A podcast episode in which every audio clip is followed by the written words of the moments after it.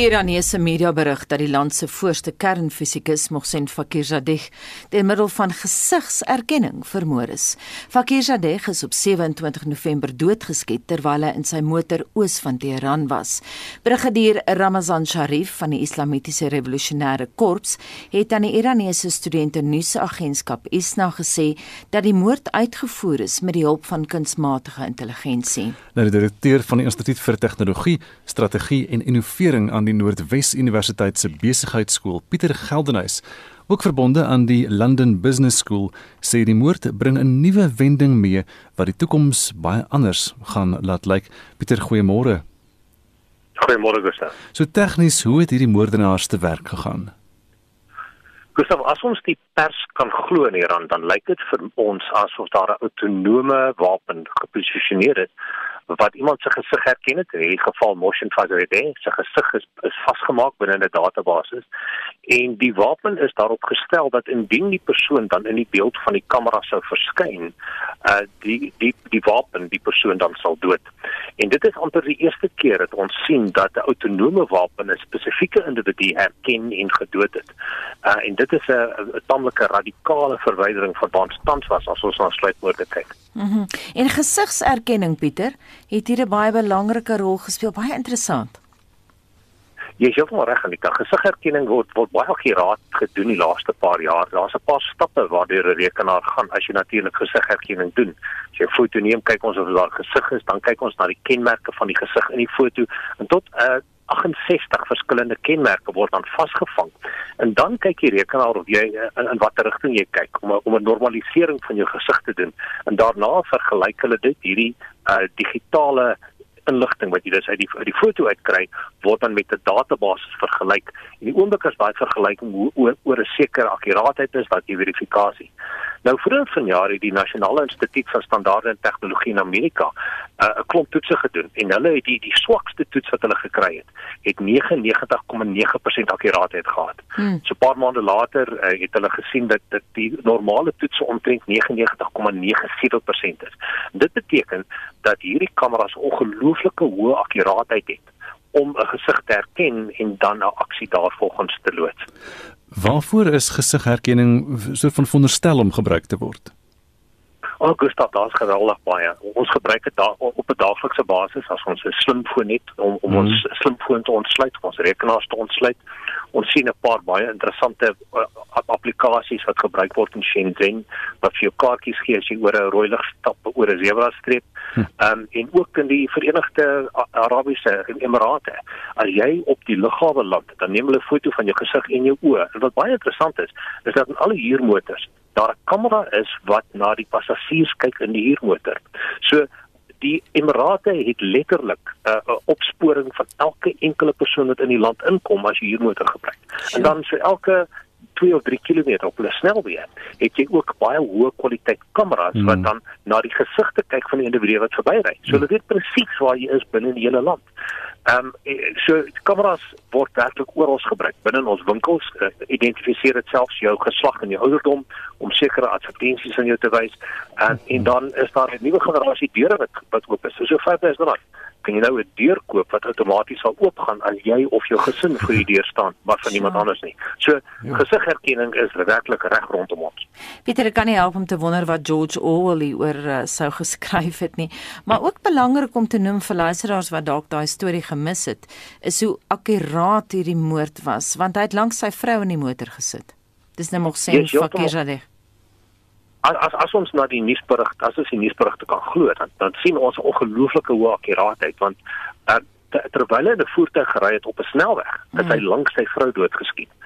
Um, en en hierdie maak natuurlik regtig 'n Pandora se kus oop want dink aan die geleenthede dink aan die sluitpoort geleenthede wat nou in die toekoms hieruit ontsluit kan word. Um, baie goedkoop kan jy nou 'n rekenaartjie koop, 'n Raspberry Pi kos omtrent R1000. Dan kan jy die sagte ware van die internet aflaai by 'n area met 'n naam GitHub. En daar is 'n maatskappy met 'n naam Deeloop wat die wat hierdie sagte ware gratis aan jou gee wat jy kan installeer. En hierdie het 'n akkuraatheid van 99,38%. Dit is tamelik hoog. Jy kan dit dan koppel aan 'n uh, biologiese gas, uh, jy weet biologiese oorlogvoering, 'n chemiese gas hmm. of selfs op, op, op, op primêre plofstof. Hmm. En jy kan dit op plek sit en dit kan daar staan vir 'n jaar of 2 totdat die individu wat jy teiken naby is en dan sal dit ontplof. So ons ons ons kyk kyk na 'n totale nuwe era van terrorisme en sluipmoorde indien hierdie tendens ehm um, jy weet in die toekoms herhaal gaan word. So volgens jou kennis is hierdie nou die eerste keer dat hierdie tegnologie gebruik word om so 'n moord te pleeg. Soos ek sê, as ons die nuus kan glo hmm. uit Iran het, um, en en as eh, ek het tog nie van tevore ehm um, so 'n ja. storie gehoor nie. Of die eerste keer dit sou gebeur het, sou ek nie weet nie, maar die eerste keer dat ek daarvan hoor hmm. of dat die nuus uh, wel voor. En ek dink dit is werklik 'n verandering en en dit kan 'n dramatiese impak hê natuurlik op terrorisme en oorlogvoering want nou kan jy sekere individue kernindividue in sekere lande teiken en hulle autonoom dood sonder dat jy weet wie verantwoordelik daarvoor was. Um, en en as en on, ons dink wel dat dit in Iran gebeur, maar wat daarvan is dit in ander lande in die wêreld gebeur? Mm. En wat die impak daarvan op 'n geopolitiese skaal gewees? Ek dink hier kom 'n ongelooflike probleem indien hierdie tegnologie indien hierdie tendens nie gestuit word. En die moordenaars nie maklik om op te spoor nie jy jy sal maar reg want in die verlede het jy of 'n sluipmoordenaar wat wat nodig was om naby individu te kom en dan te probeer wegkom of dan selfs gedood te word in die proses of jy het 'n uh, bom gestel wat op tyd gekoppel is of jy dit via selfoonsyne gedoen. En meeste van die protokolle wat in plek is, is juis om dit te keer. Jy maak seker niemand kom naby nie, jy maak seker die selfoonsyne word geblok. Jy maak selfs seker dat jy anti uh, het. Ehm um, en en dit is verskillende tegnologieë. Hier is egter 'n stil wapen wat net lê en wag en 'n klein kamerakie wat na 'n individu se gesig kyk voor dit geaktiveer word. En dit maak die die werk van die veiligheidsmagte baie baie moeiliker om belangrike persone te beskerm. Dit is fascinerend en vyande ken nader aan mekaar nie eers meer nie. Kyk mekaar glad nie in die oë nie. Hoe maklik is dit om hierdie soort van tegnologie te kan ontsluit om daarin te kan kom?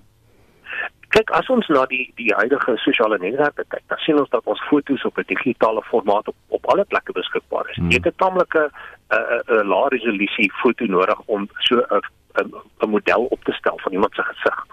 En daarom kan jy dan deur foto's wat gepubliseer is van 'n individu kan jy so 'n model opstel en dit binne in so 'n klein Raspberry Pi wat om by ek dink uh, ek het op die internet gekyk uh, rukkie terug. Dit was omtrent uh, R700 vir die ouer model en omtrent R1500 vir die nuwe model. Jy, jy kry 'n kamera hier van R3000 en daar het jy, daar jy sneller. Nou kan jy besluit watter wapen jy aan hierdie sneller wil koppel. Soos ek sê, jy kan chemies, biologies, kan selfs plofstof wees. En en dit beteken dat jy 'n dramatiese ander verandering het oor hoe goedkoop hierdie tipe oorlogvoering gemaak kan word om individue uit te haal. En dis die groot probleem, want ons het ons het nooit werklik in 'n wêreld gespeel waar ons individue in ander lande geteken het uh om om te dood in 'n spesifieke tipe oorlogvoering. Hierdie maak 'n heeltemal 'n nuwe veld uh ook wat ek dink baie baie uh tragies kan word in die toekoms indien individue dit sal uh, jy weet uh, uh, indien wat lande of selfs individue ja. of terroriste groepe dit gaan gebruik. Wat is die kans dat hierdie soort van tegnologie 'n fout kan maak, die verkeerde gesig kry en dan die verkeerde mens doodmaak? Die, toetsing wat die nasionale instituut vir standaarde en tegnologie gedoen het, het agtergekom dat mense met donker velle uh, 'n klein bietjie moeiliker is om te identifiseer, maar selfs persone met donker velle het en uh, hulle sê die swakste uh, as ons na ras en geslag gaan kyk is is swart is, is vrouens met 'n swart vel wat omtrent 'n uh, uh, 0,1% fout het. So jy het omtrent 99,9% akkuraatheid. As jy meer 'n blanke vel het, is die akkuraatheid hoër en daar kyk hulle selfs na 99,99% akkuraatheid. So die kans dat jy 'n fout gemaak het daar, want as jy as jy kyk na 'n uh, paar miljoen mense, maar as jy byvoorbeeld dit nou koppel aan ware individu sou wees of uh, jy jy sal dit koppel aan 'n uh, eksterne element soos 'n selfoonsein want die persoon se se nommer sal ook uitgestuur hmm, word hmm, na die selfoonnetwerk toe. Hmm. So jy kan 'n uh, eksterne element vasmaak soos 'n GPS posisionering of selfs 'n 'n selfoonsein opvanging en deur dit te koppel aan dieselfde rekenaar kan jy baie hoë akkuraatheid kry dat jy weet dat die persoon wat jy wou dood juist die persoon is wat gedood sal word. Pieter het nou vlugtig en nou verwys, maar ek wil hê jy moet herhaal wat jy gesê het oor die implikasies daarvan want ek dink nou aan intelligensiedienste. Alles sou dis sekerlik wou gebruik. Kyk intelligensiedienste gebruik alreeds. Ek dink ons is naïef as ons dink dat die intelligensiedienste rondom die wêreld alreeds nie 'n patroon van ons gesigte in elke enkele database in die wêreld het nie. As Facebook en Google en ehm um, jy weet LinkedIn alreeds hierdie profile van ons het. Dink ons ons maak 'n massiewe fout deur ons eers te dink dat die intelligensiedienste dit nie het nie. Maak nie saak waar in die wêreld is nie. As jy in Londen rondstap en en, en jy word daar gesien weet hulle wie jy is deur mm -hmm. eenvoudig na jou na jou gesig te kyk. Die hele idee van uh, ek dink as jy privaatheid wil hê, dink ek die middel van die Kalahari en die Karoo se goeie. maar uh, en en ver van enige verkeerskamera's af. Ja. Maar maar maar maar ek dink dat ons ons ons absoluut in 'n wanpersepsie lewe en as ons nie dink dat maak nie saak waar ons is nie ons binne 'n omgewing is waar ons identifiseer gaan word en en iemand direk weet wie ons is in terme van ons identiteit. En dit is al klaar so maklik net om mense se fone te tap en mee te luister met bestaande tegnologie Pieter. Jy is reg nie dat daar 'n verskillende maniere om dit te doen. Ehm um, kyk meeste regerings het natuurlik die vermoë om die howe te nader en dan te sê hoe kan ons dan uh, na hulle fone luister? Maar daar is natuurlik ander maniere om dit ook te doen en maniere wat eintlik nie eintlik bedoel is om op die lug herhaal te word ons sal later praat. Baie dankie dit dan die direkteur van die instituut vir tegnologie strategie en innovering. Hy is aan Noordwes Universiteit se besigheidskool verbonde dis Pieter Geldnys maar hy is ook verbonde aan die London Business School. Dis 22 minute oor 7 en monitor het gister berig oor die feit dat die regering 'n spesiale eenheid wil skep om Suid-Afrika se grense op 'n volhoubare wyse te patrolleer. Alhoewel sekere ontleeders dink dit is 'n goeie plan, glo ander weer dit sal nie werk nie. Professor Abel Esterhuise van die fakulteit Krygskunde aan die Universiteit Stellenbosch het aan Anita verduidelik hoekom hy dink die plan sal 'n muis baar. Ek dink nie dis 'n goeie idee nie en die rede is baie eenvoudig. As jy 'n nuwe eenheid skep, moet jy nuwe strukture skep, nuwe mense inbring, 'n nuwe begrotings daarstel, nuwe tegnologie skep. Jy moet eintlik bou van onder af. Terwyl ons sit met 'n weermag wat die afgelope 40, 50 jaar eintlik al betrokke is by grensbeskerming wat uitstekende kapasiteit, goeie kapasiteit het om dit te doen, wat organisatoriese kennis het en al wat ons moet doen is om die weermag uh, voldoende te bemagtig om dit te doen. Hoekom sal ons geld vat om 'n nuwe instelling te skep as ons oor 'n vermoë beskik wat dit kan doen, maar wat ons op hierdie stadium net nie bemagtig om dit te doen nie? As jy nou sê ons moet die weermag voldoende bemagtig, wat sou julle wou hê? Ons moet dood eenvoudig uh, meer mense op ons grense hê. Ons moet kyk na ons strukture, hoe doen ons dit? Die weermag het die kapasiteit om dit te doen. Ons moet hulle dood eenvoudig dink ek net net dit waarmee hulle besig is op 'n groter skaal laat doen en en miskien na nuwe tegnologie kyk, miskien na die ehm uh, opskerping van hulle opleiding, maar die kapasiteit is daar. Ons het 'n kern waarmee ons kan werk en die kennis is daar. Ons moet dit net ontgin. Ons het 'n keuse in wese tussen ontwikkel dit wat ons het en ons het 'n goeie vermoë of ons skep nuwe vermoëns wat geweldig tyd en energie en hulpbronne in beslag gaan neem en ons weet nie wat ons gaan kry nie. Jy praat nou van nuwe tegnologie gebruik. Het jy iets spesifieks in gedagte? Daar's baie nuwe tegnologie wat beskikbaar raak wat ek dink die weermag sal kan bemagtig om grense te beskerm. Ehm um, ons hoef dood eenvoudig na die ongelooflike kameras te kyk wat ons deesdae op die mark het, die gebruik van hommeltuie. Daar's daar's baie goeie nuwe tegnologie wat beskikbaar is en relatief goedkoop beskikbaar is wat ek dink die weermag met groot vrug kan gebruik. So kom ons ontwikkel daardie kapasiteit en kom ons gebruik daai kapasiteit. Hoekom sou die regering nou 'n nuwe spesiale eenheid wou skep as die weermag die rol kon vervul? Ons sit met 'n probleem ehm um, wat ontwikkel het en in omvang toegeneem het sedert 94. Miskien is 'n bietjie konteks hier belangrik. Die regering het voor 94 ons grense as sogenaamde hard borders bestuur. Met ander woorde, ons het regtig dit as harde harde grense gehanteer en in die na 94 era was daar eintlik 'n ideologiese besluit deur die regering om ons grense te versag daardie probleem dis nie 'n probleem nie maar daardie besluit was tot 'n groot mate toe gekoppel aan die ANC se steun vanuit Afrika tydens die onafhanklikheidsstryd of die die stryd teen apartheid. Maar goed, dit het vir ons geweldige probleme op 'n praktiese vlak geskep en ek dink daar's drie kritiese probleme wat 'n mens hier kan uitlig. Die eerste probleem is die probleem van onwettige immigrante dat die onstabiliteit wat in Sentraal-Afrika ontvou het in die laaste 20 jaar het dood eenvoudig mense in Afrika noord gedruk en suid gedruk. Noord vlug hulle letterlik na Europa, suid kom hulle na Suid-Afrika en, en ons was aan die ontvangkant van geweldig hoeveelhede immigrante uh, sedert 94. Dis die eerste probleem. Die tweede probleem is sluikhandel. Ons grense het georganiseerde misdaad oor ons grense het eksponensieel toegeneem. Uh, sedert 94 en ons sit met geweldige probleme wat dit aan betref en derdens is daar die sogenaamde groen veiligheidsissues die uh, veiligheidsaangeleenthede wat met die plundering van ons ons natuurlike hulpbronne te doen het en wat uitspeel oor ons landsgrense heen maar ook uh, ons kuswaters en kusgebiede. Dit skep probleme vir ons. En die weermag het goeie kapasiteit om dit te kan hanteer. Jy sê nou daar's 'n geweldige groot probleem in terme van onwettige immigrasie. Ek weet jy het onlangs lugfoto's van Gauteng gesien wat dit bewys. Hoeveel mense kom in per dag? Wel, daar's groot spekulasie oor hoeveel mense invloei in die land. Daar's ook baie spekulasie oor hoeveel onwettige immigrante nou in die land is. So alle syfers wat mense op die tafel plaas is maar hoogs spekulatief. Maar daar is mense wat glo dat ons tot soveel as 2000 mense per dag sien invloei in Gauteng op die oomblik. Ons weet ook dat tot 'n groot mate toe is die misdaad wat in baie van ons noordelike gebiede plaasvind direk gekoppel aan onwettige immigrante. So ons sit met 'n geweldige probleem veral in die noordelike dele van ons land.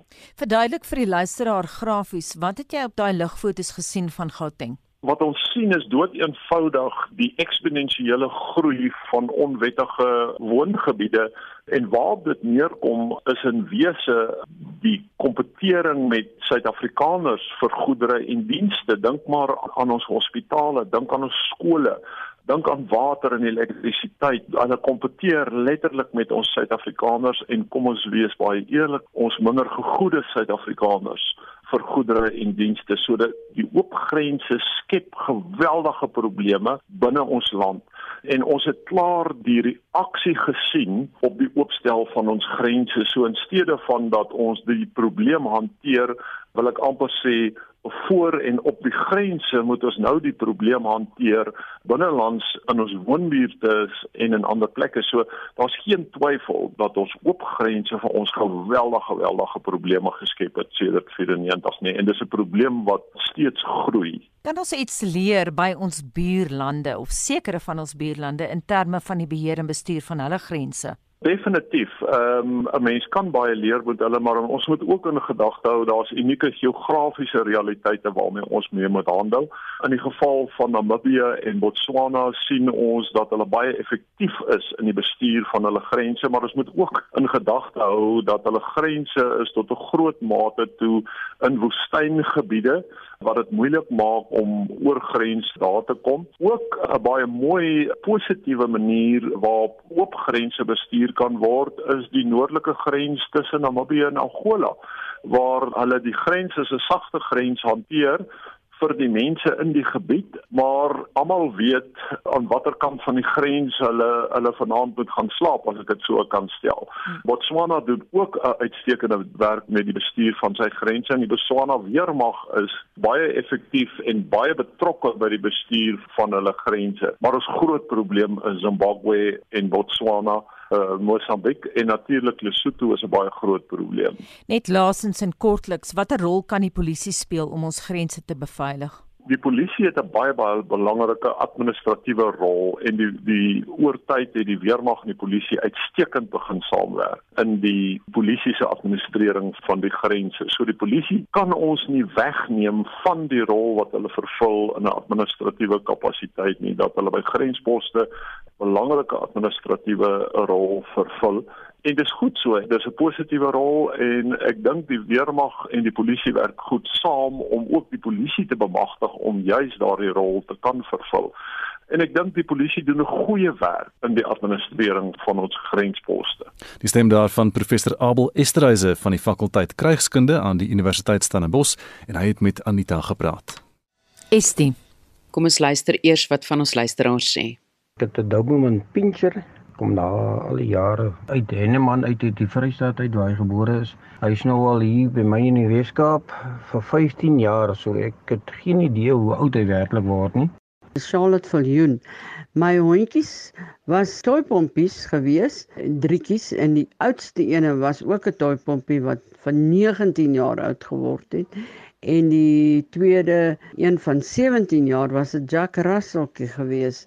Een toypom was 17 en die ander een was 16. So dit was eintlik vyf hondjies wat so oud geword het en dan my bestaan hondjie is 'n um, 'n Yorkie wat nou 13 jaar word. Volgende jaar is ek 70. So met die gevolg is hulle is my ons kindertjies.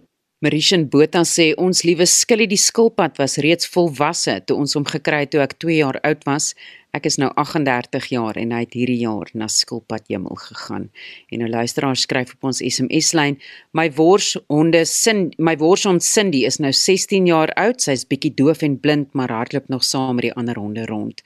En nog 'n luisteraar laat weet ons het 'n nooit gedagte perd, Java San gehad wat 32 jaar oud geword het. Hy is in Februarie hierdie jaar oorlede.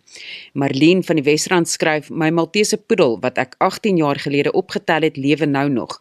Hy was so 2 jaar oud toe ek hom gekry het nadat 'n groot sementvragmotor hom amper doodgery het. En hy wil steeds daagliks gaan stap, sê Marlene. En dan sê nog 'n luisteraar, Trixie, ons Siamese kat, is op 18 jaar oorlede. Sy het vir jare saam gekamp en het 'n unieke persoonlikheid gehad. Sy was lief vir kinders en het graag wegkruipertjie gespeel. Ons mis haar baie. Ons wil vandag by jou weet, het jy dalk 'n troeteldier wat besonder oud geword het of wat nog steeds lewe? Stuur vir ons SMS na 45889. Onthou dit kos R1.50. Gesels saam op ons Facebookblad by facebook.com vorentoe skynstreep ZARSG of WhatsApp vir ons stemnota na 076 536 6961. Dis nou 23 minute voor 8 en is ingeskakel hier by Monitor op RSG. Ons praat nou met die woordvoerder van die Kaapse Wynland Distriksmunisipaliteit, Joanne Otto, om te hoor wat die jongste is oor die brand wat Sondag in die berge daar in die Blou Klippen gebied by Stellenbosch ontstaan het. Uh, Joanne, goeiemôre. Goeiemôre Gustaf en goeiemôre luisteraars. Vertel vir ons eers wat het nou gisternag gebeur? Wel, weet jy die koeler weer in die lae be, uh, bewolking, um, of lae wolke het ons baie baie gehelp. Ons spanne het um, baie sukses gehad in die nag en hulle kon in die vroeë oggendure um, afstaan en um, die die vuur in die blou blou klipping gebied is heeltemal ingekamp. So dis nie nodig om verder daar te werk en uit die lug uit die die brand te bombardeer nie. Nee, gelukkig nie en um en ons sal nou vandag 'n uh, klein grondspannetjie daar hê wat net moniterings en in Engels noem ons dit mopping up, maar dis opruimingswerk. Ja. Ons moet altyd seker maak dat elke koeltjie dood is dat daar uh, of jy weet dat daar geen kanse is nie, maar dit is weer vandag 'n koel 'n koel dag, so ons is um, ons is baie dankbaar vir die koeler weer. So dit is julle plan vir vandag dan hierdie hierdie soos jy dit noem die mopping up operasie. Ja, dit is mapping up en skoonmaak en natuurlik monitering. So hulle maak seker mm -hmm. dat daar niks dat daar nie weer 'n koeltjie aan, aan vlam vat nie. Um mense wat wat gereeld braai sal weet as 'n bietjie van 'n 'n windjie oor koeltjies waai dan brand dit maak raak dit weer aan die brand. So dit is maar dieselfde met 'n veldbrand. Ons maak seker alles is dood en die grondspanne plak seker maar en maak seker dat daar geen opvlammings is gedurende die dag nie. En aan um, Gustaf ons sal onthou vroeër hierdie week het of laat verlede week toe die ons die ander brande gehad het, het ons genoem dat ons eers 'n um, 'n brand as geblus beskou mm -hmm. as dit vir 24 ure as daar geen vuur of brandaktiwiteit was vir 24 uur nie. So um, ons noem dit sommer dat die die, die veld koud is. Ja. So um, en dit is meestal wat nou vandag gebeur en baie mense dink jy weet dit is nie nie dit is 'n um, dit is 'n meer vervelige deel van die werk maar dit is soos enige um, enige werk is die opruimingswerk ongelooflik belangrik want ons wil nie hê dat daar self weer aan die brand steek en dan na na gebiede toe is um vir um versprei wat nog nie gebrand het nie. Um en dit is altyd die gevare. Jy, jy weet en ons het baie goeie reëns gehad hierdie somer. So ons veld is maar uh, um ons is bekommerd oor die veld hierdie jaar want dit het baie goed gegroei oor die oor die wintermaande en natuurlik met die met die lockdown was daar niemand wat in die berge rondgeloop het nie maar dit beteken ook dat baie van ons brandbane nie onderhou is nie en um jy weet baie van die van die plaaseienaars of die landeienaars of kon nie grondeienaars kon nie by hulle brandbane uitkom nie. Um en dit beteken dat daar maar baie baie veld beskikbaar is om om te brand hierdie jaar. Jy sê nou die die weer is vandag koel. Cool. Daar's nie 'n wind nie, nee. Nee, dit is windstil hier in Stellenbosch. Ek uh, kyk nou juist uit oor die oor die um oor die bergies hierso. Dit is windstil en koel met lae bewolk met lae wolke. So dit is 'n goeie teken vir die hmm, dag. Dat die dat die vuur nie weer gaan opvlam uh, nie, die brand opvlam nie. Ja. Dis reg, ja, maar dit is brandseisoen, weet jy, Gustaf, so mm. enigiets is moontlik. En mense is maar um, ons ons maan altyd asseblief mense wees versigtig. Moenie die toppies uit die karre uitgooi nie. Um baie mense sê ag man, ek weet dit gaan dood. Dit gaan nie dood nie. Die die veld is droog um om om die paaie in um om die pad en dit gebeur net so vinnig dat 'n ou koeltjie 'n uh, verwoestende brand veroorsaak. Ehm um, so ons doen dit en dan natuurlik om asseblief nie toe te laat dat mense in in plekke waar dit nie ehm um, toelaatbaar is om om om om vuurtjie te maak nie. Dit daar is daar is spesifieke areas waar mense buite kan kuier en vuurtjies maak en veral nou met die met die COVID of die coronavirus sê ons vir mense wees liewer buite, kuier liewer buite, maar asseblief braai by die huis.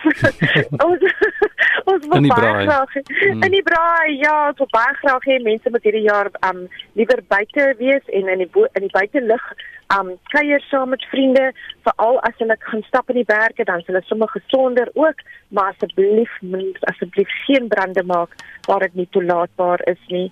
En um so ons kan ons kan regtig waar ons kan vir mense sê dat die en vir al die tra trail runners en die fietsryers en die bergstappers die berge lyk ongelooflik um op die oomblik omdat daar so goeie reën was maar dit maak dit ook baie vatbaar vir vir um veldbrande en wees maar versigtig laat weet altyd vir mense um waarheen jy gaan as jy wel in die buitelug gaan rondstap en um en ja. sodat hulle weet waar jy stap. Joanne baie dankie en baie sterkte dan met julle brand. Ons hoop jy hou mooi intoom.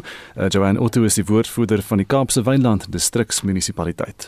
742 ons kyk na internasionale nuusgebeure.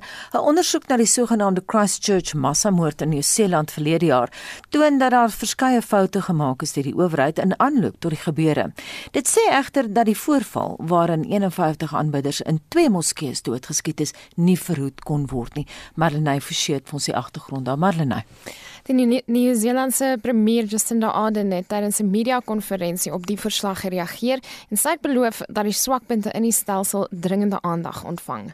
On the matters of how the attack occurred and what could have been done to stop it.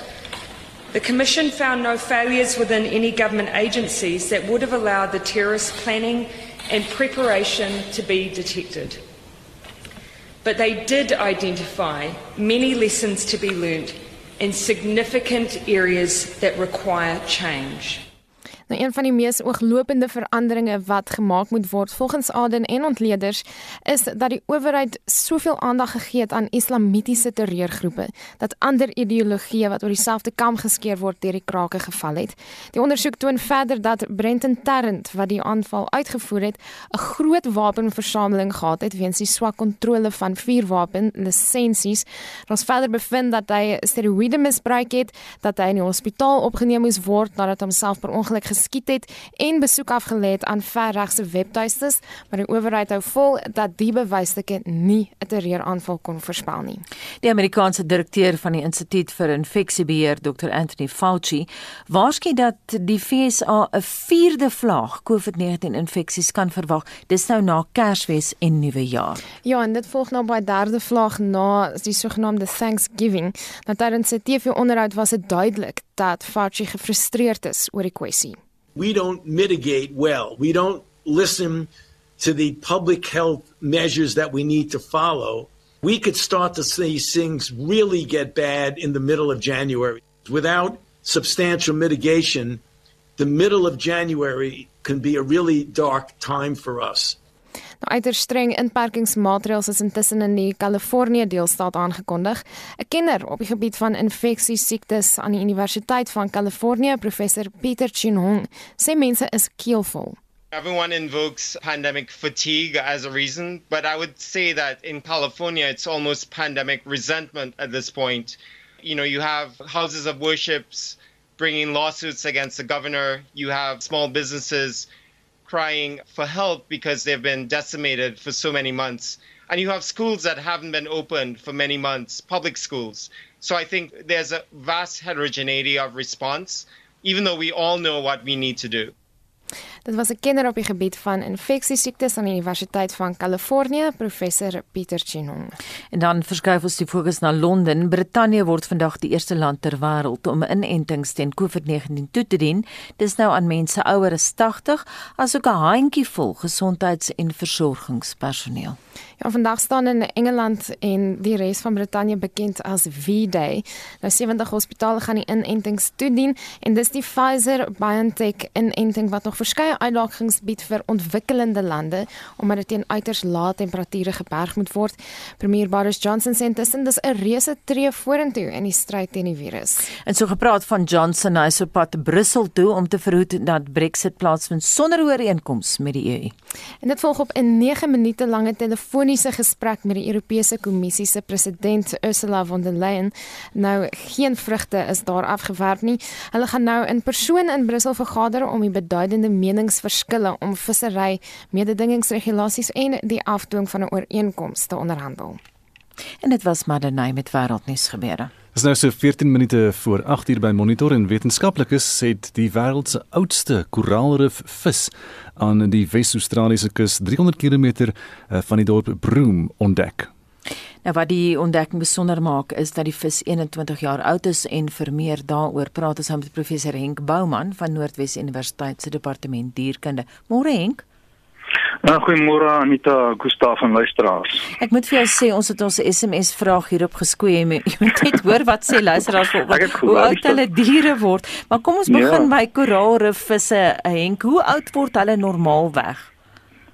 Ehm um, koraalrifvisse se grootte is, is ongeveer 3 orde groot is met ander van gram, kilogram tot 100 gram, kilogram byvoorbeeld. Dis wat ons orde groot is noem. En hierdie vis, dit is nie middernag snapper. Dis 81 jaar oud geword. Ehm um, en dit is nogal lank. 'n Middernag snapper, soos enige ander snapper, is 'n nagtelike predator. Dit jaag maar krustasiërs en ander klein diertjies en visse in die nag. Maar hierdie een het 81 jaar oud geword en dit kon aflei van sy oorbeentjies. En die oorbeentjies is soos by 'n boom, het ringe en hulle kan hierdie ringe dan tel en dan afkom op ehm um, 81 jaar.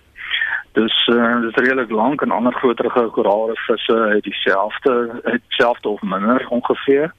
Maar dan kry ook die heel kleintjies, dis die teenoorgestelde en die heel klein visse het waarskynlik die kortste lewensduur van uh koraalrifvisse.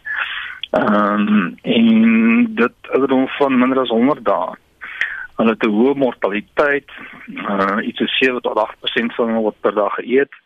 Uh, hulle het 'n vinnige groei, hulle word vinnig geslagsryp uh dit baie vinnige generasietyd en dan ehm um, hulle lewe ook dan volgens die navorsers op die evolusionêre marges van vertebrate wat vertebraat se lewenstyl, lewensverhaal kan ehm um, bekostig. Ja, hoe akkuraat is daardie ringe waarvan jy praat? Dis 'n luisteraar het gevra het vanoggend, uh, hoe weet hulle dan hoe oud is hierdie vis? Ja, daar word verskeie maniere gebruik, maar die otoliet, die oog, eh, die die oorbeentjies, hmm. uh, word neergelê in jaringe en dit kan getel word onder 'n mikroskoop. Jy sny en dan tel onder 'n mikroskoop, net soos jy boom sou sny. Yeah. Daar is ook verskeie ander tegnieke. Ehm um, koolstofdatering is ook moontlik en die ehm um, sekere ehm um, aminosure hoe dit afbreek of hoe dit verander met tyd kan ook gebruik word. Hoekom sou hierdie spesifieke koraalrifvis so oud geword het? Sou dit iets te doen kon hê met die habitat? Ja, die habitat, kyk, nou visse en die meeste van diere wat ons nou nou oor gaan praat, kom in die see voor. Uh in die see, die water is natuurlik baie digter as lug. En uh, dis jy kan die massa wat jy het, kan jy hier wat makliker dra, uh want word ondersteun deur water.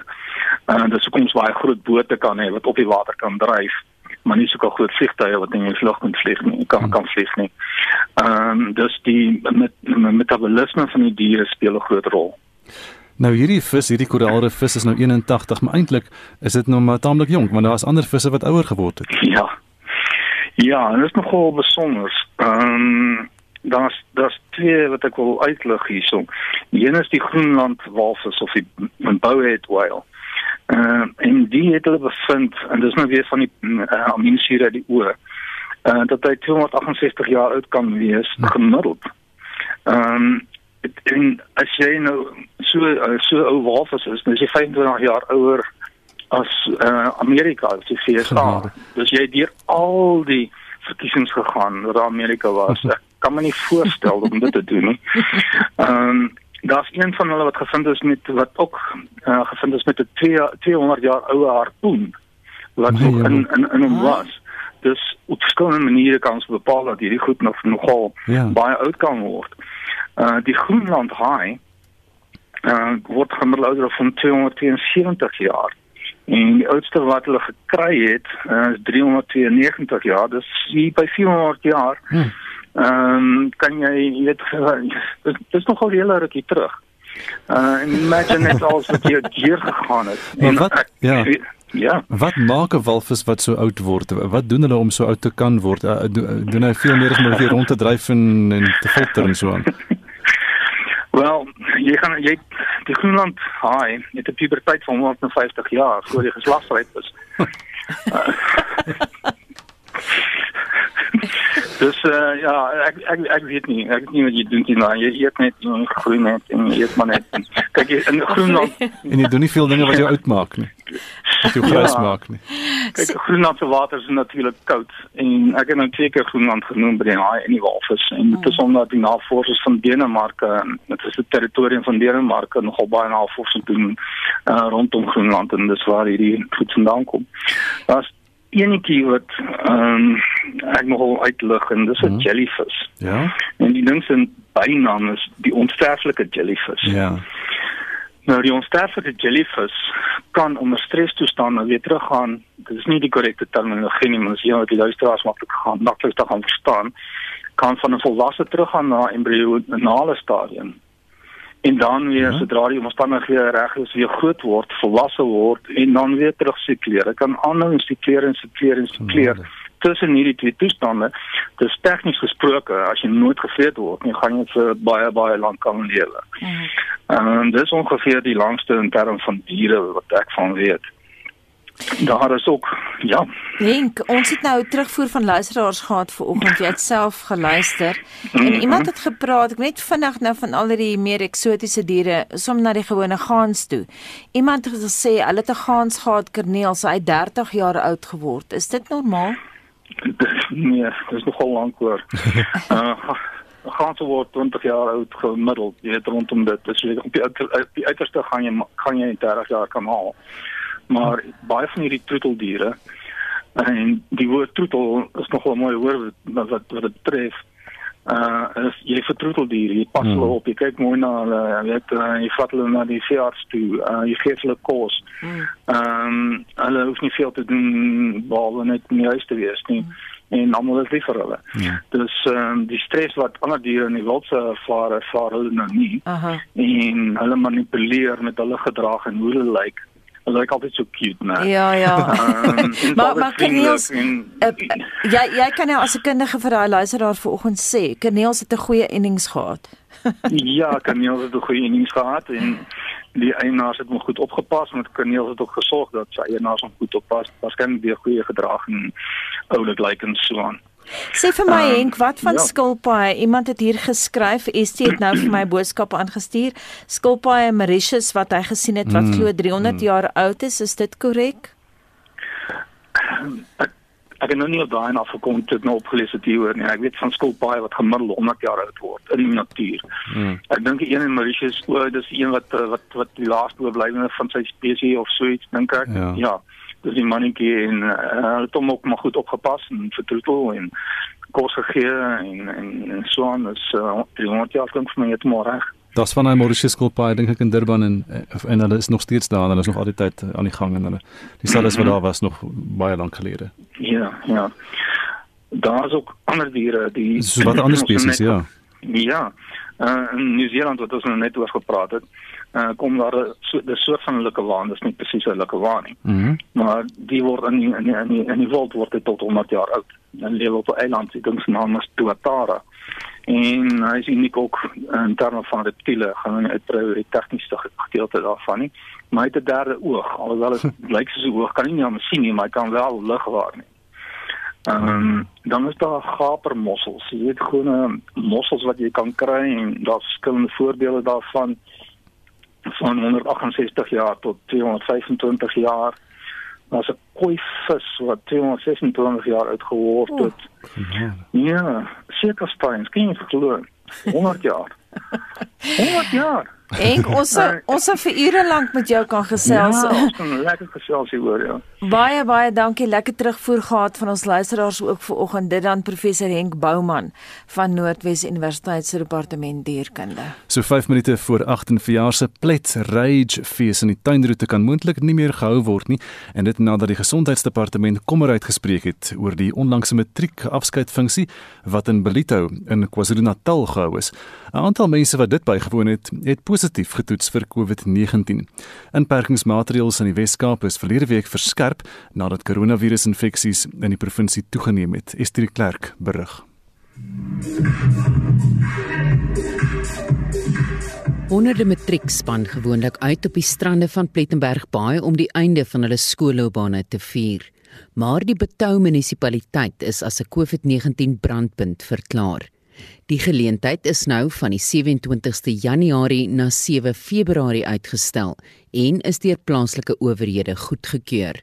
Streng maatreëls moet egter gehandhaaf word, soos skadebeheer en dat funksies slegs buite gehou mag word.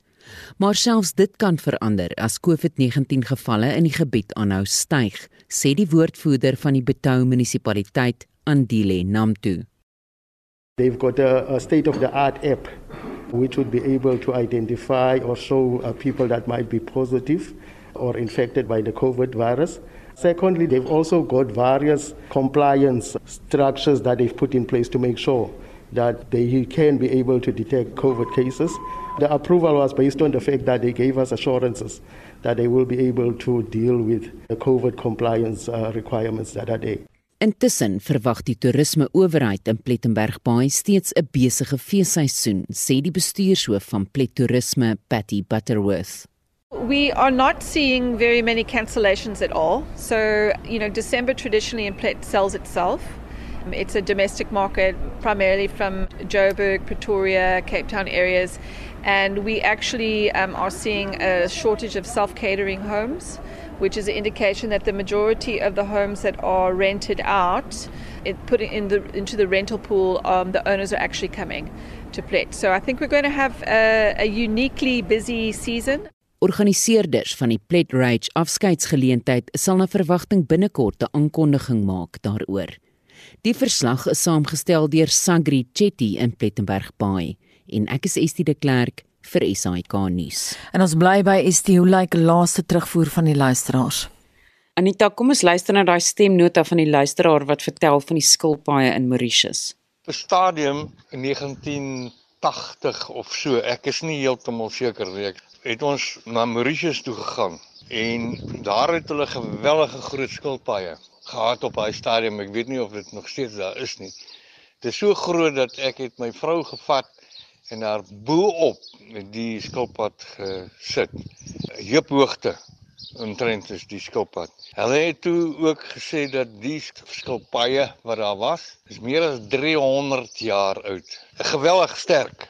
En Jolandi sê ons perdjie is volgens die veearts 37 jaar oud. Haar sig begin nou swak raak, maar sy is nog springlewendig.